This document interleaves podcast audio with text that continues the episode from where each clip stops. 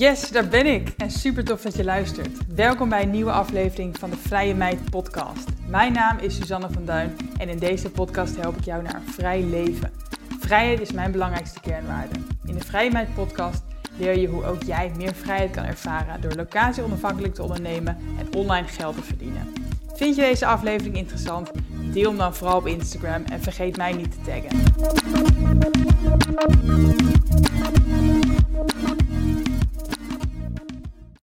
Lijkt het jou leuk en interessant om een vakantiehuisje te kopen en te verhuren? Blijf dan luisteren, want vandaag spreek ik met Priscilla Koppendraaier. Priscilla is 25 jaar en woont met haar gezin in Egmond aan Zee en heeft maar liefst 25 vakantiewoningen in Nederland. Samen met haar man verdient ze hiermee gemiddeld 10.000 euro per maand. En vandaag gaan we het hebben over hoe je kunt investeren in vakantiewoningen en hoe je deze rendabel kunt verdienen. Verhuren, sorry. Ook vanuit het buitenland. En welkom Priscilla. Ja, dankjewel. Ja, leuk dat je er bent. Ik ben zelf heel erg benieuwd naar de interview. En ik denk de luisteraar ook.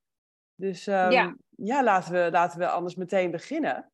Ja, kan je ons anders meenemen meteen um, in hoe dit allemaal is begonnen? Wanneer ja, hebben jullie je eerste vakantiewoning gekocht en waarom?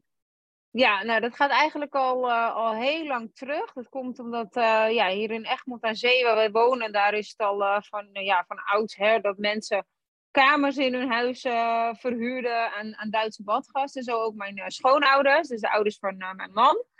En ja, bij hem is het dus al met de paplepel echt, echt ingegoten. En daardoor kwam hij zelf al gauw op het idee, hij was altijd marineren als hij dan op uitzending was.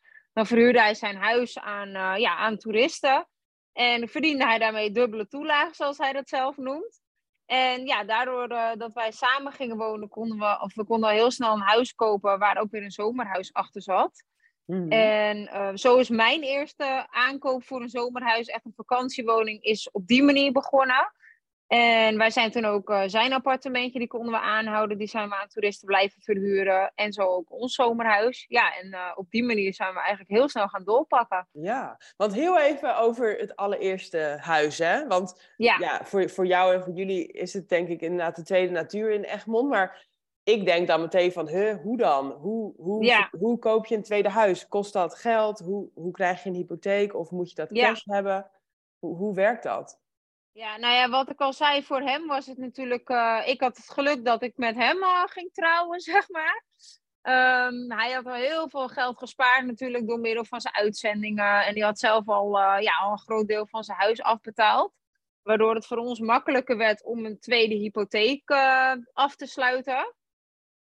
Um, ja, en op die manier ook door middel van het geld verdienen... wat we met, dus met het zomerhuis deden ja, dan kan je al heel snel opschalen om weer, uh, om weer uh, door te pakken. En dat Ja. was ook het voordeel van zijn eerste appartementje, omdat hij dat natuurlijk al verhuurde en uh, ja, vaak weg was voor zijn werk. Dus het is natuurlijk wel ook heel persoonlijk, hè? want voor iedereen is de financiële situatie natuurlijk anders. Um, maar ja, er zijn een heleboel mogelijkheden ook om voor je eerste, tweede huis te gaan, zeg ja. maar. Ja, want even, nou, ik denk de meeste mensen die luisteren, die hebben nog nul vakantiehuisjes. Ja. Dus Ja. als je begint, moet je, dan, moet je dan inderdaad een bepaald deel cash ook ophoesten? Of kan je dat helemaal laten financieren met een hypotheek? Dat kan dus allebei. Um, ook dat, ja, de rentes zijn natuurlijk nu best wel hoog. Maar uh, ja, wat wij altijd zeggen is, geef absoluut niet op als het niet lukt bij de bank. Om wat voor reden dan ook. Stel je hebt uh, dus helemaal geen cash of iets. Dan zijn er altijd andere manieren om toch uh, een woning te laten financieren. Denk bijvoorbeeld aan crowdfunding of aan privé-investeerders. Of misschien heb je hè, familie die uh, overwaarde op kunnen nemen. Zo hebben wij dat ook gedaan met een tweede woning die we hebben gekocht. Op die manier. En er zijn een heleboel cursisten van ons die zijn met crowdfunding aan de slag gegaan. En die hebben nu gewoon vier, vijf woningen in de verhuur. Ja, ja en dat is dus echt mogelijk. En, en crowdfunding dat, dan op een platform of bij ja, familie? Ja, ja, ja. Ja. En er zijn ook mensen die zijn in samenwerking begonnen met, uh, ja, ook via ons platform dan, zeg maar. Die uh, mensen die wel weer geld hadden. Dus uh, ja, er zijn, er zijn een heleboel manieren van, ja, van financieren. Ja. Dus ja, als je dit voor ogen hebt, dan ja, zou ik zeker die opties eens gaan bekijken. Ja, want als je het hebt over crowdfunding bijvoorbeeld. Um, ja. Inderdaad, ik heb nu ook niet het geld op de plank liggen. En stel ik wil toch een huis. En de hypotheek is ook te duur of te veel of te moeilijk. Ja. Wat hebben dan andere mensen eraan om in mij te investeren? Ja, het is natuurlijk zo, ze gaan echt in je investeren als ze ook iets zien in het project. En vakantieverhuur, dus als je echt een vakantiewoning op het oog hebt, dan kun je dus echt met bestaande cijfers laten zien van oké, kijk, dit kan ik eruit halen. Mhm. En ja, dat is, gewoon, dat is natuurlijk gewoon een bewijs. Dat doe je door middel van je marktonderzoek. En dan kan je echt met cijfers aankomen van, kijk, dit kunnen we ermee verdienen. Dus ja, voor mensen is dat wel heel aantrekkelijk, want je verdient er gewoon heel erg veel mee. Ja, en die mensen profiteren dan eigenlijk mee? Ja, in principe wel. Ja, ja. dus ben je dan eigenlijk met z'n allen mede-eigenaar? Dat, ja, dat ligt er net aan hoe je dat afspreekt natuurlijk in, uh, in, in, samenwerking met z'n allen. Uh, je kan een percentage, voor een percentage erin stappen. Uh, je kan een lening afsluiten op die manier. Dus dat is, ja, dat is een beetje wat voor afspraken je maakt, zeg maar, met elkaar. Ja, interessant. Ja, um, zeker. En, en uiteindelijk, want hoeveel jaar geleden was dit dat jullie die eerste zomerhuis, het eerste zomerhuis kochten? Um, die hebben wij gekocht in 2016, ja. Oh, dus dat is eigenlijk nog niet eens zo heel lang geleden, zeven jaar geleden. Nog niet zo heel lang geleden, nee. Dus we zijn in die, uh, in die korte periode gewoon uh, ja, heel hard gegroeid. Ja, want dus, dus binnen zeven jaar uh, hebben jullie uiteindelijk 25 vakantiewoningen gekocht. Ja, maar die hebben we niet allemaal zelf aangekocht, want wij zijn ook gestart met rent-to-rent. En mm. dan ja, zul je denken, wat is rent-to-rent? Dat houdt in dat je een woning huurt van een eigenaar, dus wel een vakantiewoning hebben we het hier over. We richten ons echt alleen op vakantiewoningen om uh, ja, dat even te verduidelijken.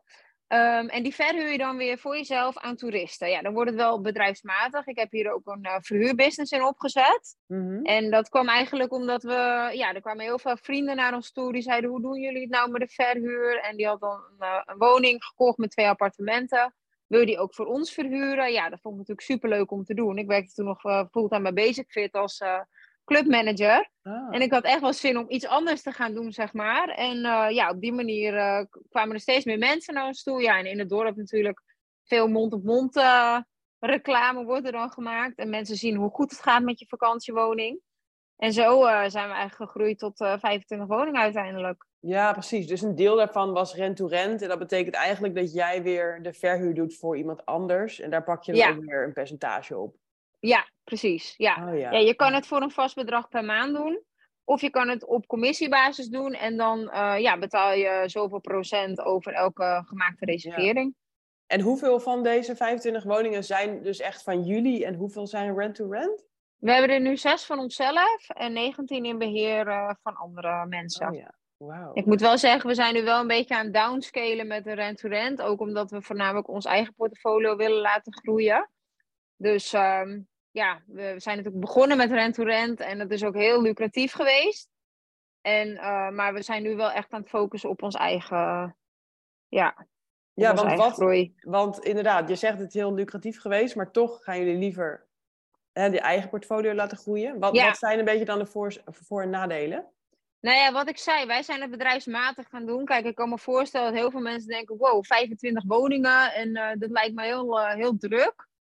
En ja, je, begint, je wil natuurlijk het liefst woningen voor jezelf. Want laten we eerlijk zijn, als je rent-to-rent gaat doen, ja, dan zijn de eigenaren natuurlijk ook heel blij. Je verdient er een heel mooi salaris mee. En het is zeker een mooie manier om een extra, of ja, om echt een, een uh, iets op te gaan bouwen, zodat je uiteindelijk zelf kunt gaan investeren. Zo doen heel veel cursisten van ons het ook op die manier. Maar ja, uiteindelijk wil je natuurlijk wel iets voor jezelf, want ja, dat komt weer naar je toe terug. En met rent-to-rent is dat natuurlijk niet zo. Je moet het echt zien als bijvoorbeeld een huurwoning, ja, waar je dan wel wat salaris mee verdient.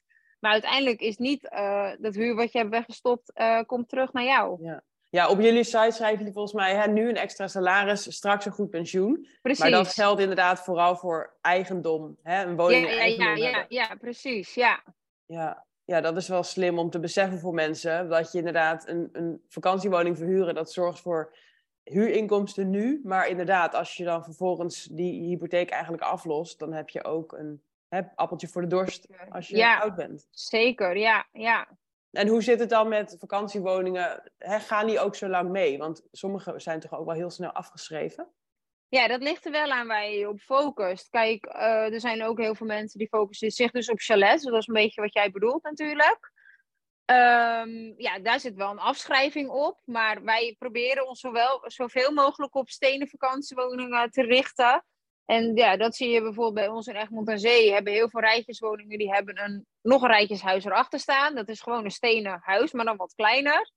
Ja, en dat gaat natuurlijk gewoon mee, net als een gewoon huis. Dus Ja. eh, we proberen ons wel zoveel mogelijk daarop te focussen. Ja. En e- krijg je dan ook op zo'n steenhuis weer eerder een hypotheek, omdat dat langer meegaat? Ja, dat wel. Want stenen worden wel eh, gefinancierd en een chalet wordt in principe niet gefinancierd. Dus daar moet je wel rekening mee houden. Maar een chalet is natuurlijk wel weer een stuk lager eh, om, om in te stappen. En Ja. ook daar kun je bijna net zoveel mee verdienen als met een stenen woning. Want dat maakt verder natuurlijk niet uit. Dat ligt echt aan de locatie, eh, ja, wat ze te doen in de omgeving. Dus een beetje op die manier moet je daar naar kijken. Ja. ja, dus als je inderdaad hè, puur wil richten op snel maandelijks inkomsten, dan is een Ja. chalet ook prima. Maar als je het echt Ja. een lange termijn doet, is toch een stenen woning handiger. Ja, inderdaad, zeker. Ja. ja, ja. En nou ja, jullie zijn dus eh, echt wel redelijk expert geworden in de verhuur. ook door al die ervaring dus eh, met het rent-to-rent. Is Ja. het dan het, het stukje marketing waar jullie zo goed in zijn? Of ook eh, de schoonmaak en de aankleding bijvoorbeeld? Nou ja, ik denk wel het hele, het hele pakket. Ehm, we hebben ook gewoon heel veel moeten leren natuurlijk gaandeweg. En eh, ja, toen wij net begonnen, toen, toen waren er nog helemaal geen eh, online kalenders en weet ik het wat allemaal. Dat deden we allemaal nog met schriftjes. En eh, ja, het was één grote chaos eigenlijk. Uiteindelijk hebben we dat allemaal zelf moeten ontdekken. Maar ja, toen zijn we natuurlijk ook gestart met inderdaad de woningen inrichten, ehm, eh, het adverteren op de websites, de foto's maken. Dat ga je allemaal zelf doen. Ja, en in het begin is dat, als ik mijn foto's nu vergelijk met die van toen, ja, dan ben ik daar echt wel heel erg in Ja. gegroeid. Dus je doet ook Dus- echt alles als rent-to-rent eh, eh, eh, Ja. beheerder. Ja, ja, want als je dus echt rent-to-rent gaat doen, dan neem je in principe alles uit handen van de eigenaar. Dus dan, ja. Dan ga je dat allemaal zelf ga je dat doen. Je, je kan wel een woning gemeubileerd huren, maar wij doen wel altijd zelf nog eventjes een persoonlijke touch eraan. Dus dat je het nog wel even ja, leuk inricht en een beetje in dezelfde stijl houdt. Oh ja, dus echt de inrichting, de foto's, de advertenties, marketing. Maar doen jullie ook dingen als schoonmaken en check-in? Of is dat wel uitbesteed? Eh, dat besteden we uit, ja. Oh ja. Want ehm, nou ja, als we het even hebben over onze eigen woning, want ik denk dat de meeste mensen die luisteren ook wel graag een eigen vakantiewoning zouden willen. Ehm, ja, dan wil je natuurlijk zo min mogelijk werk en tijd eraan besteden en zoveel mogelijk mee verdienen. Want dat is natuurlijk waar het uiteindelijk om gaat. Eh, dus ja, dan zal je dat soort taken wel echt uit moeten besteden. En als je dat niet doet, ja, dan kan je ook niet opschalen, want dan gaat Nee. het gewoon te veel tijd kosten. Dus wij besteden de schoonmaak echt uit. We, we hebben werken bijvoorbeeld met sleutelkastjes. Dus je hoeft niet de hele dag te gaan zitten wachten of die gast wel of niet komt. En stel je voor, het is een mooie zomerdag. En we zitten hier lekker eh, ja, aan het strand. En je zit de hele dag thuis te wachten. En hij staat in de file en komt pas om 7 uur s avonds. Ja, dan heb je een mooie stranddag gemist. Ja. Dus dat wil je niet meer. Dus eh, ja, met sleutelkastjes is gewoon ideaal. Dan kunnen ze gewoon zelf inchecken. ja. ja, slim. Ja, slim. En doen jullie alles via Airbnb? Of hebben jullie ook andere sites waar jullie eh, volop aanwezig zijn? Nou, we doen het deels via Airbnb, maar we proberen wel ook zoveel mogelijk om ja, van dat soort websites weg te blijven, omdat je gewoon hele hoge commissiekosten betaalt. Ja, en dat is natuurlijk ook wel echt weer een rendementskiller, zeg maar. Dus we zijn vooral gefocust op websites waar je dus maar een eenmalig bedrag per jaar betaalt, of ja, zo min mogelijk. En eh, ja, ook om zoveel mogelijk, eh, zo groot mogelijk bereik te hebben, adverteren we echt op, eh, ja, op zoveel mogelijk websites. Ja, oh ja. Ja, wauw. Dus inderdaad een hele wereld gaat open met mogelijkheden. Ehm, ja, en nou ja, jullie kregen dus heel veel vragen ook in de loop der jaren hierover. En uiteindelijk besloten jullie om ook een cursus te maken over het verhuren van je vakantiehuis. Ja, klopt. Ja, we hadden, nou ja, dat is eigenlijk geboren in de coronatijd. Ehm, zoals ik al zei, we verhuurden natuurlijk al een hele lange tijd. En ehm, ja, er kwamen steeds meer mensen aan ons stoel van hoe doen jullie dat nou? En eh, jullie gaan zo goed met de verhuur. En eh, hoe werkt dat met zo'n woning? En hoe kun je nou investeren? En ja, et cetera, et cetera. Dus toen eh, was het corona. En ja, ik zal heel eerlijk zeggen, toen deden we rent-to-rent. Dus ja, we hadden een hele hoge vaste lastenpost. En toen kwam de corona en toen hadden we alleen maar annuleringen. Ik was hoogzwanger, dus ik heb drie weken lang gehuild. Het was Oh. echt verschrikkelijk. toen dachten we van, nou ja, hoe moeten we dit nou aanpakken? Ja, en toen is eigenlijk ook gelijk plan B ehm, geboren. Dus we konden even tijdelijk niet aan toeristen verhuren. Nou, gelukkig was dat maar een paar weken, maar op dat moment eh, was iedereen nogal in paniek. Toen zijn we gelijk verder gaan kijken. We zijn op Marktplaats gaan adverteren, op eh, Facebook, op, op van alles en nog wat. Toen hebben we het tijdelijk vast verhuurd, want ja, er waren heel veel gescheiden mensen op dat moment. Heel Ja. veel mensen die werkten in de zorg, eh, omdat die konden niet bij hun ouders verblijven of opa en oma. Dus ja, die woningen zaten binnen drie dagen allemaal vol. Dus toen waren we gelukkig uit de kosten.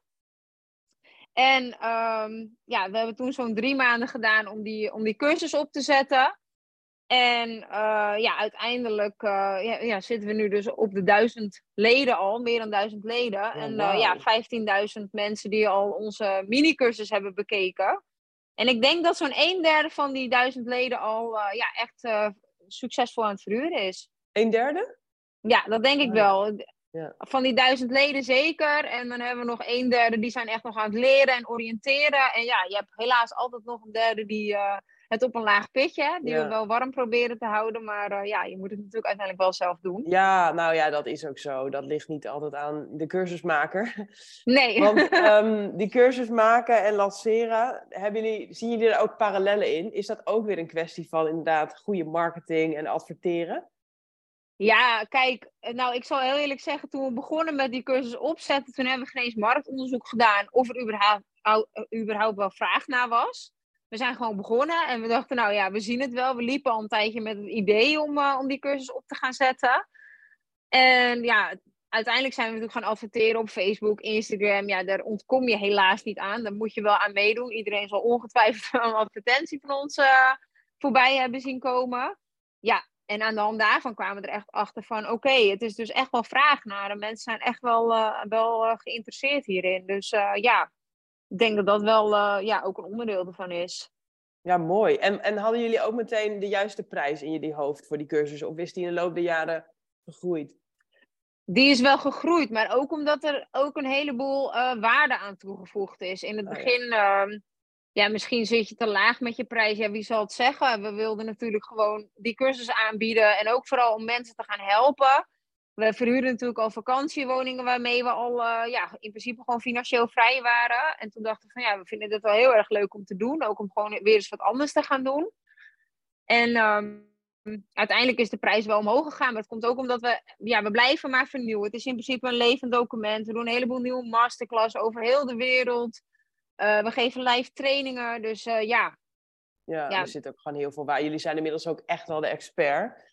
Want je zei net al heel kort tussendoor van hè, jullie waren al financieel vrij. Op welk punt in jullie reis naar 25 woningen bereikten jullie die financiële vrijheid? Nou, om heel eerlijk te zijn, was dat wel al bij de tweede, derde woning. En waarom? Ik zal je een voorbeeld geven. Het huis waar wij in wonen, die hebben we gekocht voor 265.000 euro. Dat was echt in een hele goede tijd nog. Ehm, dat was natuurlijk een woonhuis met een zomerhuis erachter. Ehm, met het zomerhuis verdienen we zo'n 34.000 euro per jaar aan omzet. Ehm, ja, dat zijn gewoon eh, ja, prijzen van wat we nu de afgelopen periodes hebben verdiend. Nou, dan zitten er ongeveer eh 15.000 euro aan kosten vast. Hè. Denk aan hypotheek, btw over je nachtprijs, schoonmaakkosten, dat soort dingen. Ja, en dan hou je al 20.000 euro over om van te leven. Ja, Nou ja, met, met z'n tweeën is dat natuurlijk wat weinig. Maar ja, dat is wel, we wonen gratis. Dus ja. met twee, drie woningen konden wij al gewoon het leven leven wat we al deden. En dan in principe zonder te werken.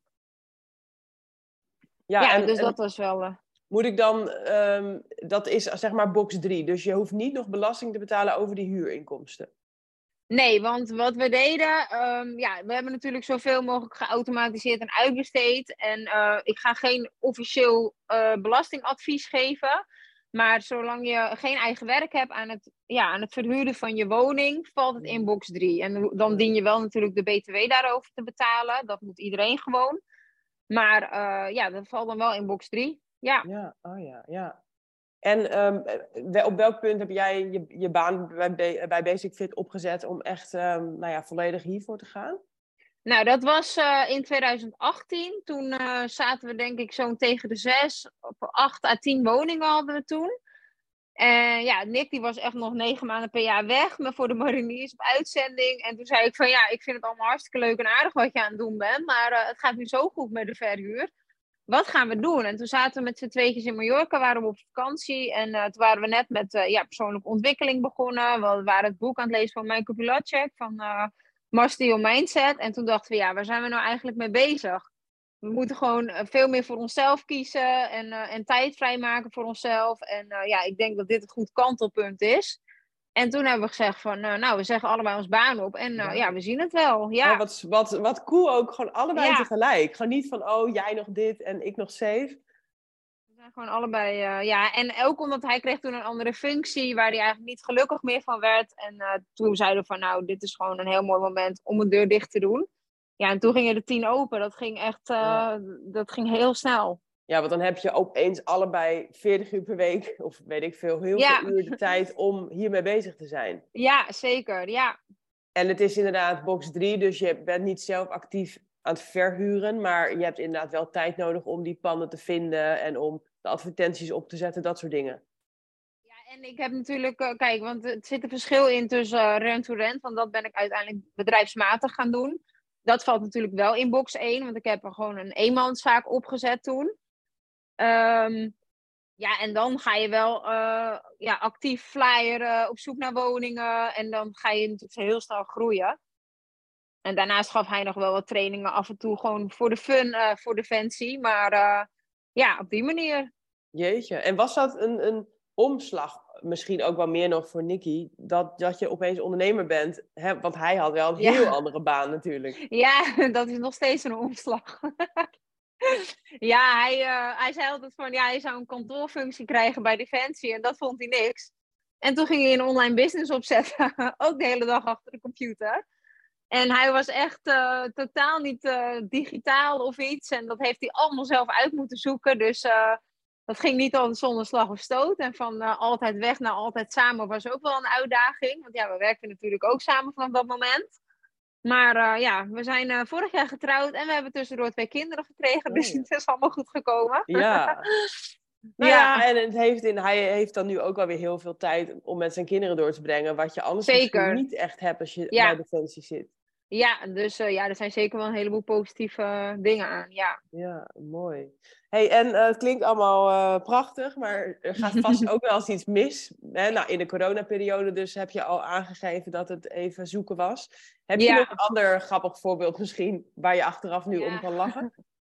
Ik heb er uh, tal van voorbeelden waar we achteraf wel om kunnen lachen. We hebben echt in, in de drukste maanden, echt in juli in het hoogseizoen, hebben een keer gehad dat we op de bank zaten en de deurbel ging. Er stond een Duits gezin voor de deur. Die hadden een woning geboekt die al verhuurd was.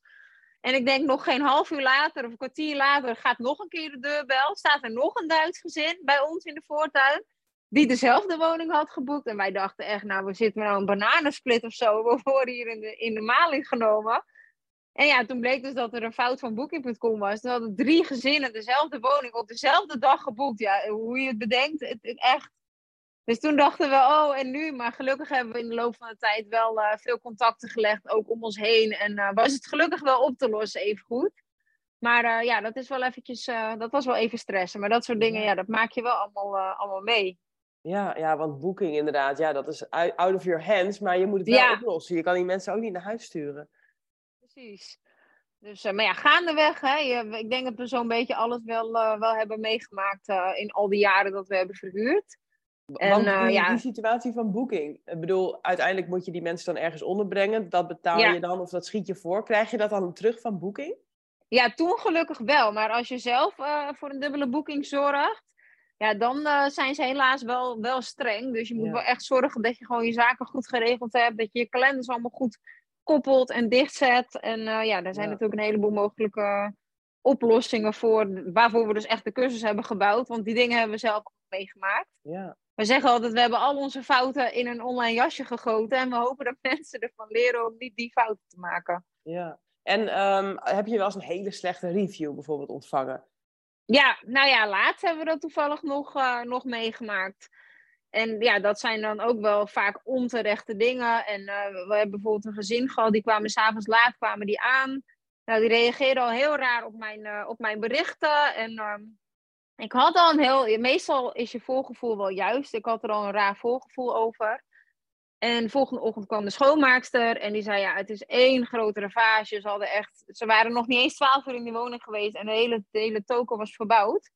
Ja, en dat is dan wel echt vervelend. Dus ja, ik zeg altijd van, kijk altijd goed naar, hè, hebben die mensen een uh, recensie, op, bijvoorbeeld op Airbnb? Dat is een hele mooie, mooi voordeel van Airbnb. Hebben ze een recensie? Is dat goed of slecht? Hoe lang zijn ze al lid? Uh, weet je, dat soort dingetjes. En uh, ja, mocht dat voorkomen dat je dan... Wij kregen ook een een van hun dus, wat natuurlijk totaal onterecht was. En dan, uh, dan zijn, is Airbnb bijvoorbeeld wel echt om je, ja, om je te helpen daarmee. Dus uh, dat maar ja, het is wel zonde van je beoordeling. Ja. Die gaat dan wel ja. hard omlaag. Ja, je hele algehele score die, die zakt dan gewoon. Dus het is... Het belangrijkste is altijd van, nou ja, maak foto's. Hè. Dus hebben die mensen er dus een troep van gemaakt. Nou is niet de hele woning verbouwd, maar wel echt alles vies, zeg maar ja, dan maak gewoon foto's. Dan heb je altijd iets om op terug te vallen en, uh, en dus om bij Airbnb aan te kloppen. Ja, ja goeie. Maar over het algemeen zorgen we wel voor, uh, voor uh, goede recensies en ja. blije gasten. Mooi. Hey, ik wil nog even door ook naar de kansen die jullie zien. Want jullie, ja, ik vind jullie wel echt nu een expert in, in de vakantiemarktbranche. um, dus stel iemand luistert nu en denkt van, ja, dit spreekt me toch wel aan. Nou, waar zien ja. jullie nog kansen? Is dat Nederland of is dat juist het buitenland?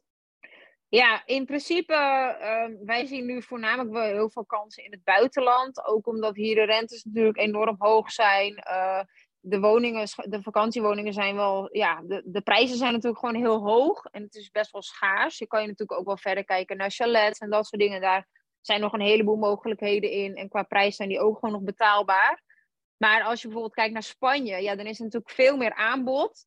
Uh, de prijzen liggen veel lager. Ja, en de, ja, je kan ook gewoon het hele jaar door supergoed verhuren.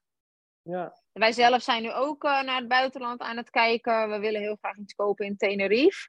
Ook omdat dat gewoon uh, ja, het hele jaar door gewoon heel goed verhuurbaar is. En ook natuurlijk om er zelf een deel te gaan verblijven vanwege het mooie weer. Dus ja, ja, er zijn, het is natuurlijk een hele persoonlijke keuze. Hè? Wat wil je? Heel veel mensen zeggen, nou, ik wil toch liever dicht bij huis, omdat ik dat prettiger vind. Uh, als er dan wat is, kan ik daar heel snel naartoe. En andere mensen zeggen weer, nou, ik wil het liefst zo ver mogelijk van me vandaan, want dan hoef ik er zelf niks aan te doen. Ja, dat nee, is natuurlijk nee. wel uh, wat je zelf het liefste hebt ook. Ja, alles heeft voor- en nadelen. En uiteindelijk ja. moet je zelf dus afwegen van wat werkt voor jou. Ja, zeker. Ja. ja, interessant. Ja, ik ben zelf wel geïnteresseerd ook in Spanje, Portugal, een beetje die regio. En daar is dus, ja, daar kan je als Nederlander ook dus gewoon een huisje kopen en gaan verhuren. Zeker. Toevallig hebben we gisteren nog een masterclass opgenomen ook uh, over uh, hoe het zit met financieren en aankopen in Spanje en het verhuren natuurlijk ervan. Dus misschien leuk uh, voor mensen ook om dat even terug te luisteren als ze daar interesse in hebben. Om echt alle ins en outs te weten over Spanje. Um, ja, ja, het is gewoon heel, uh, heel interessant ook om daar, uh, om daar eens te gaan kijken. Want ja. die masterclasses zijn niet gratis? Of moet je dan even een klein bedrag betalen? Ja, nee, die kun je gewoon gratis terugkijken, ja. Oh, ja. Nou, ik ben wel benieuwd. Ja. Ik zal een linkje in de beschrijving stoppen van de podcast. Dan ja, dat uh, is kunnen goed. mensen even kijken. Um, en inderdaad, dus de financiering, daar heb, je, daar heb je het net al even over gehad in Nederland. Dus hè, de, deels misschien hypotheek, zeker bij stenen. Maar er zijn ook andere vormen. Geldt dat ook voor het buitenland? Of, of zijn er ook landen waar je juist wel alles uh, via een hypotheek kan krijgen? Nou, als je bijvoorbeeld denkt, als ik Spanje als voorbeeld neem, dan moet je er wel rekening mee houden dat je uh, 70% gefinancierd krijgt en dat je 30% zelf moet inleggen. Dus ja, als jij bijvoorbeeld een woning koopt van 2 ton, ja, dan krijg je 140.000 euro gefinancierd, maar dan moet je wel 60.000 euro zelf inleggen. Ja, dus daar ja. moet je wel echt rekening mee houden. Ja, en komen er dan nog meer kosten bij? Dus notaris of, of dat soort partijen? Um, ja, dat, dat zou ik wel even zeggen. Kijk echt even de, de module terug van, uh, die we gisteravond hebben opgenomen. Zij legt echt alles tot in de puntjes uit. Um, wat ook wel heel leuk is om even te melden. We hebben ook heel veel uh, contacten met hypotheekverstrekkers, makelaars. Uh, ja, die kijken ook echt naar jouw persoonlijke situatie. Hè, van wat is mogelijk voor jou. Mm-hmm. En um, wat ook wel mooi is om even te noemen, dat als je iets wil gaan kopen in Spanje, hou er wel rekening mee dat je een uh, verhuurvergunning moet hebben. Dus op sommige locaties worden die bijvoorbeeld niet meer vrijgegeven. Dus ga wel echt kijken van ja, waar, waar kan je nou wel uh, een verhuurvergunning op krijgen? En ja, wat is natuurlijk ook lucratief om het hele jaar door te verhuren, want daar gaat het natuurlijk om. Ja, ja, slim. Ja, inderdaad, dat je niet eerst een huis koopt en dan blijkt dat je niet meer ja, kan huren. Ja, ja, er zijn, kijk, in elk land zijn er een heleboel regeltjes en, en dingen waar je wel echt rekening mee moet houden. Alles is onder het gras. Uh, Dus dat is in elk land is dat wel anders. Dus um, ja, laat je gewoon echt goed adviseren en informeren voordat je überhaupt die stappen gaat, uh, gaat ondernemen. En door welke persoon kan dat dan? Want ik bedoel, zelfs jullie weten niet van elk land natuurlijk alle ins en outs. Dus als ik bijvoorbeeld in Spanje of Portugal iets wil kopen, bij wat voor partij moet ik dan aankloppen voor informatie? Ja, nou, daar, daar, dat is het mooie wel uh, van ons netwerk wat we ondertussen hebben opgebouwd. En van al die masterclasses die we hebben opgenomen. Ik denk dat we nu echt al, uh, ja, we hebben al heel wat landen hebben al een masterclass mee opgenomen. Waar we echt alle ins en outs van vertellen. En ook met wie je dan in contact moet komen om de juiste informatie uh, te kunnen krijgen. Ja, dus okay. echt makelaars, hypotheekverstrekkers. maar die zijn ook gewoon Nederlands. Dus dat is wel heel fijn om ja, als Nederlander natuurlijk informatie bij te krijgen. Ja. Hey, en even advocaat van de duivel, maar waarom verkiezen jullie vakantiewoningen bijvoorbeeld boven een gewone woning om te verhuren of een bedrijfspand bijvoorbeeld? Ja, nou ja, zoals je weet uh, zijn de regeltjes in Nederland natuurlijk niet zo uh, heel makkelijk meer op het moment. En denk ik ook niet dat het uh, makkelijker gaat worden om gewone woningen te verhuren. En daarnaast, ja, toen wij begonnen met het verhuren van onze eerste vakantiewoning, toen zagen we al heel gauw wat het op ging leveren. En ja, heel krom gezegd, maar je, ja, het levert gewoon zo'n drie, vier keer meer op dan reguliere verhuur. Dus voor ons was die keuze wel heel erg duidelijk. Ja, ja. maar ze zeggen ook high, high risk, high reward. Wat is de risk?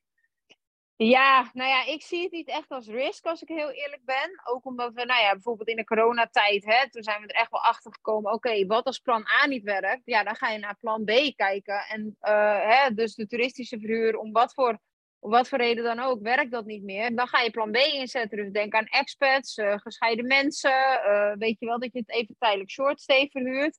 Voordat je weer, of uh, iets langer voordat je weer aan vakantieverhuur gaat beginnen. En er zijn gewoon een heleboel mogelijke manieren om toch die woning op een 95 of 100% bezettingsgraad te krijgen. Maar ook als je iets gaat kopen, koop altijd met je rekenmachine. En ga al die plannetjes ook uitwerken voor jezelf. Want ja, als het bij plan C niet meer rendabel is, dan zou ik het niet gaan doen. Nee, dus nee, wel, je moet wel echt overal een oplossing voor zijn van wat als het niet kan. Want welke bezettingsraad houden jullie aan als kietspelen bijvoorbeeld? Hoeveel moet je verhuren om uit de kosten te zijn? Ja, dat ligt natuurlijk ook aan de verdiensten en aan de kosten die je ermee hebt. Dus dat vind ik wel lastig om te zeggen. Want ja, voor iedereen is die hypotheek natuurlijk uh, mm verschillend. Um, ja, kijk, wij gaan het liefst gewoon voor 95 procent. Ja, En op wat voor manier dat dan ook is. Al, al, al zeg je bijvoorbeeld, nou, we gaan uh, van uh, april tot en met oktober gaan we voor vakantieverhuur.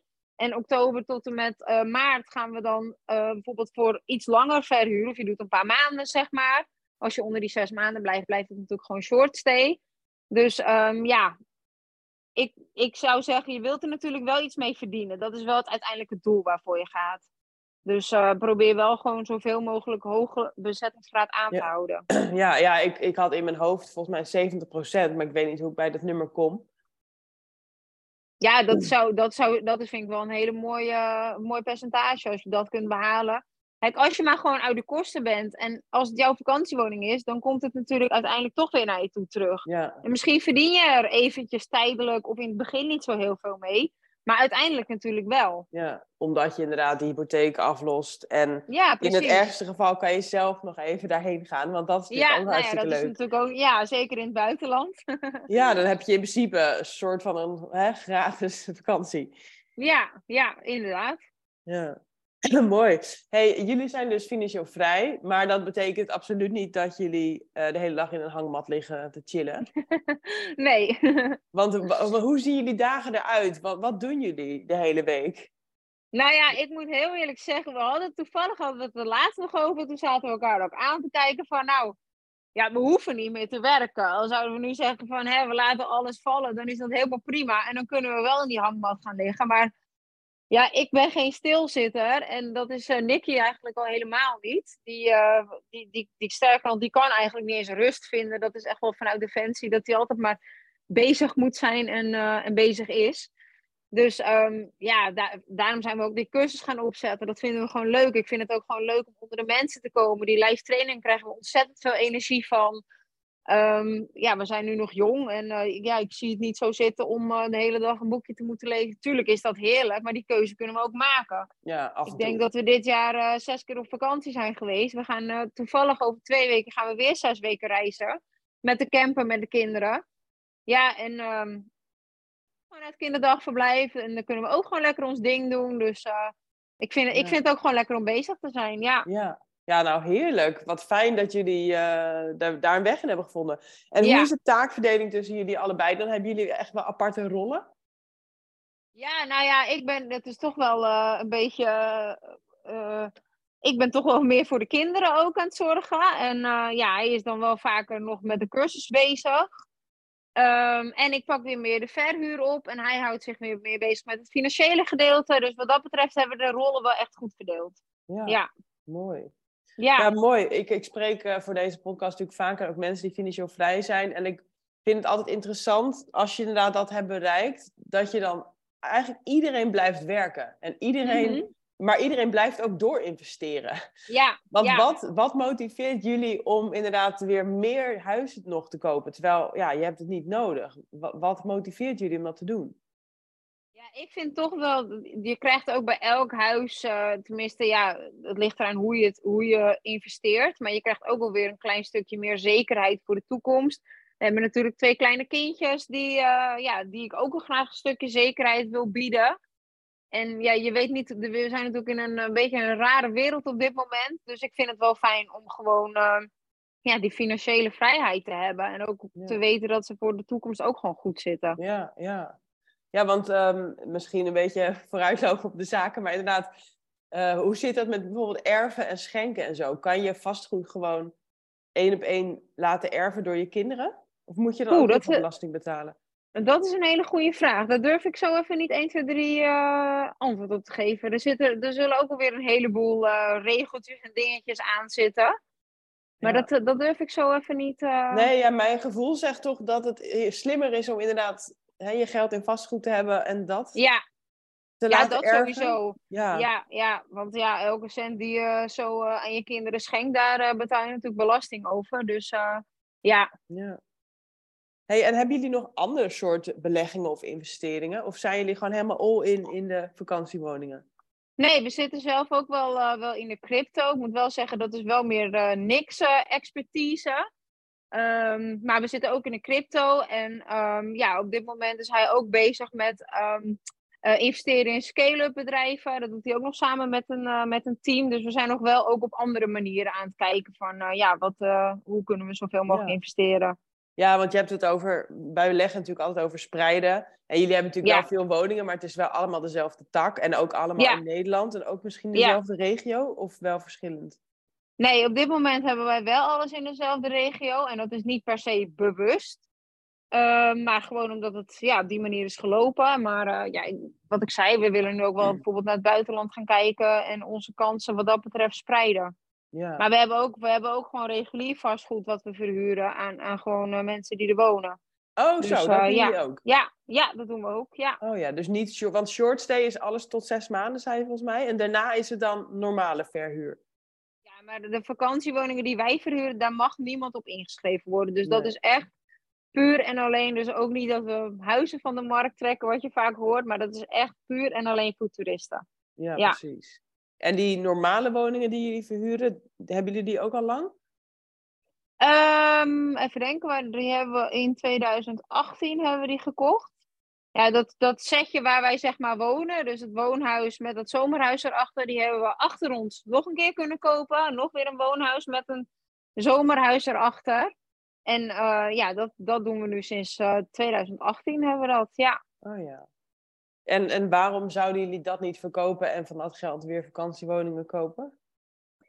Eh, dat zou kunnen, alleen ja, op dit moment ehm, gewoon nu echt wel heel veel waard ook. Ook omdat we eh, ja, de locatie en zo, dus ik wil dat ook niet zomaar wegdoen, omdat het, eh, ja, ik, ik denk niet dat je heel snel zoiets terug zou vinden. Nee. nee Dus voor dat geld. En, en we hebben net, eh, dat zomerhuis hebben we net helemaal verbouwd. We hebben er een, een heel mooi wellnesshuisje van gemaakt. Een hele sauna erbij gebouwd. Dus we, we hadden zeg maar een schuur ernaast staan. Die nou ja, moest gewoon verbouwd worden. Toen zeiden we van ja, hoe kunnen we dit huisje nou nog aantrekkelijker maken. Dus toen hebben we gezegd van nou, we gaan er een, een sauna inbouwen. Dus nu is het een, een wellnesshuisje geworden. Ja, en ja, dat, dat brengt natuurlijk heel veel extra verdiensten met zich mee. Dus dat is ook wel een goede tip hè, voor mensen die zeggen van nou oké, ik heb een chalet gevonden, die staat ergens, weet ik veel waar, dat wordt niet het hele jaar goed doorverhuurd. Maar hoe kun je nou zo'n woning wel aantrekkelijk maken? Ja, denk dan bijvoorbeeld aan een sauna-tonnetje of een, een, jacuzzi of weet ik veel wat. Dat het toch weer aantrekkelijk wordt om, uh, om er wat extra mee te verdienen en om het hele jaar door te verhuren. Ja, slim. Ja. slim. Nou, ik ben heel erg benieuwd. Ik ben wel echt geïnspireerd om er uh, nu zelf eh, mee aan de gang te gaan. En ik ga zeker even jullie masterclass terugkijken.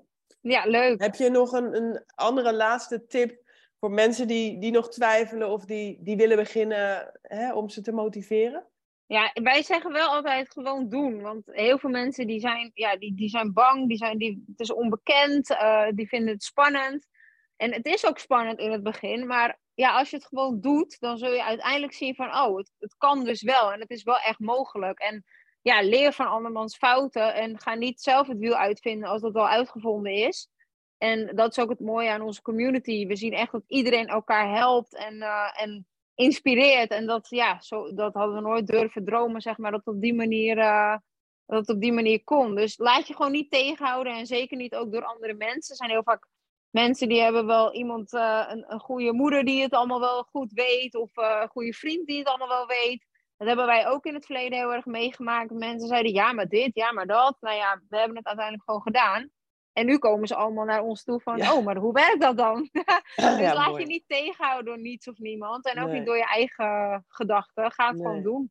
Ja, ik zit zelf namelijk, ik ben zelf vooral mijn ergste beer op de weg nu. Ik zit heel erg nog wel in het van, ja, maar ja, ik heb niet inderdaad 60.000 euro cash en wat moet ik dan?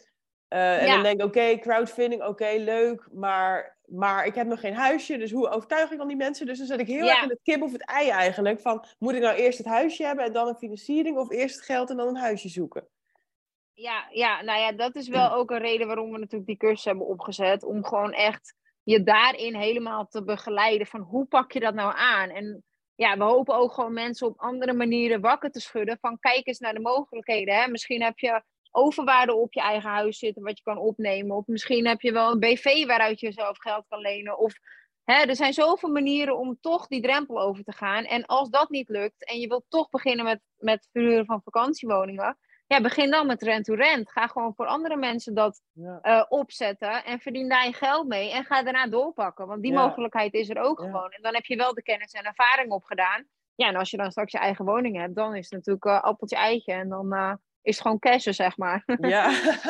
ja, zou je dan dus wel adviseren om eerst die financiering eigenlijk gereed te hebben en dan een huisje te gaan zoeken? Of kan je er ook al beginnen met een huisje zoeken? beginnen met een huisje zoeken. Want ja, je weet natuurlijk niet hoeveel je moet gaan financieren. Als je die financiering hebt, hoe lang gaat het duren voordat je een woning vindt? Want ja, als je die financiering eenmaal hebt, dan gaat het, gaat het klokje natuurlijk wel tikken en de teller gaat lopen. Dus uh, ga eerst dus je marktonderzoek doen en gewoon echt rondkijken van waar wil ik iets gaan kopen?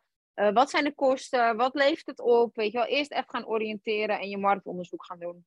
Ja. en dan weet je hoeveel je nodig hebt. En dan kan je kijken, oké, hoe kan ik de financiering regelen? En als je de cash niet hebt, hoe kan je dat opvangen? Ja. Ja, dat zou ik wel echt op die manier doen. Ja.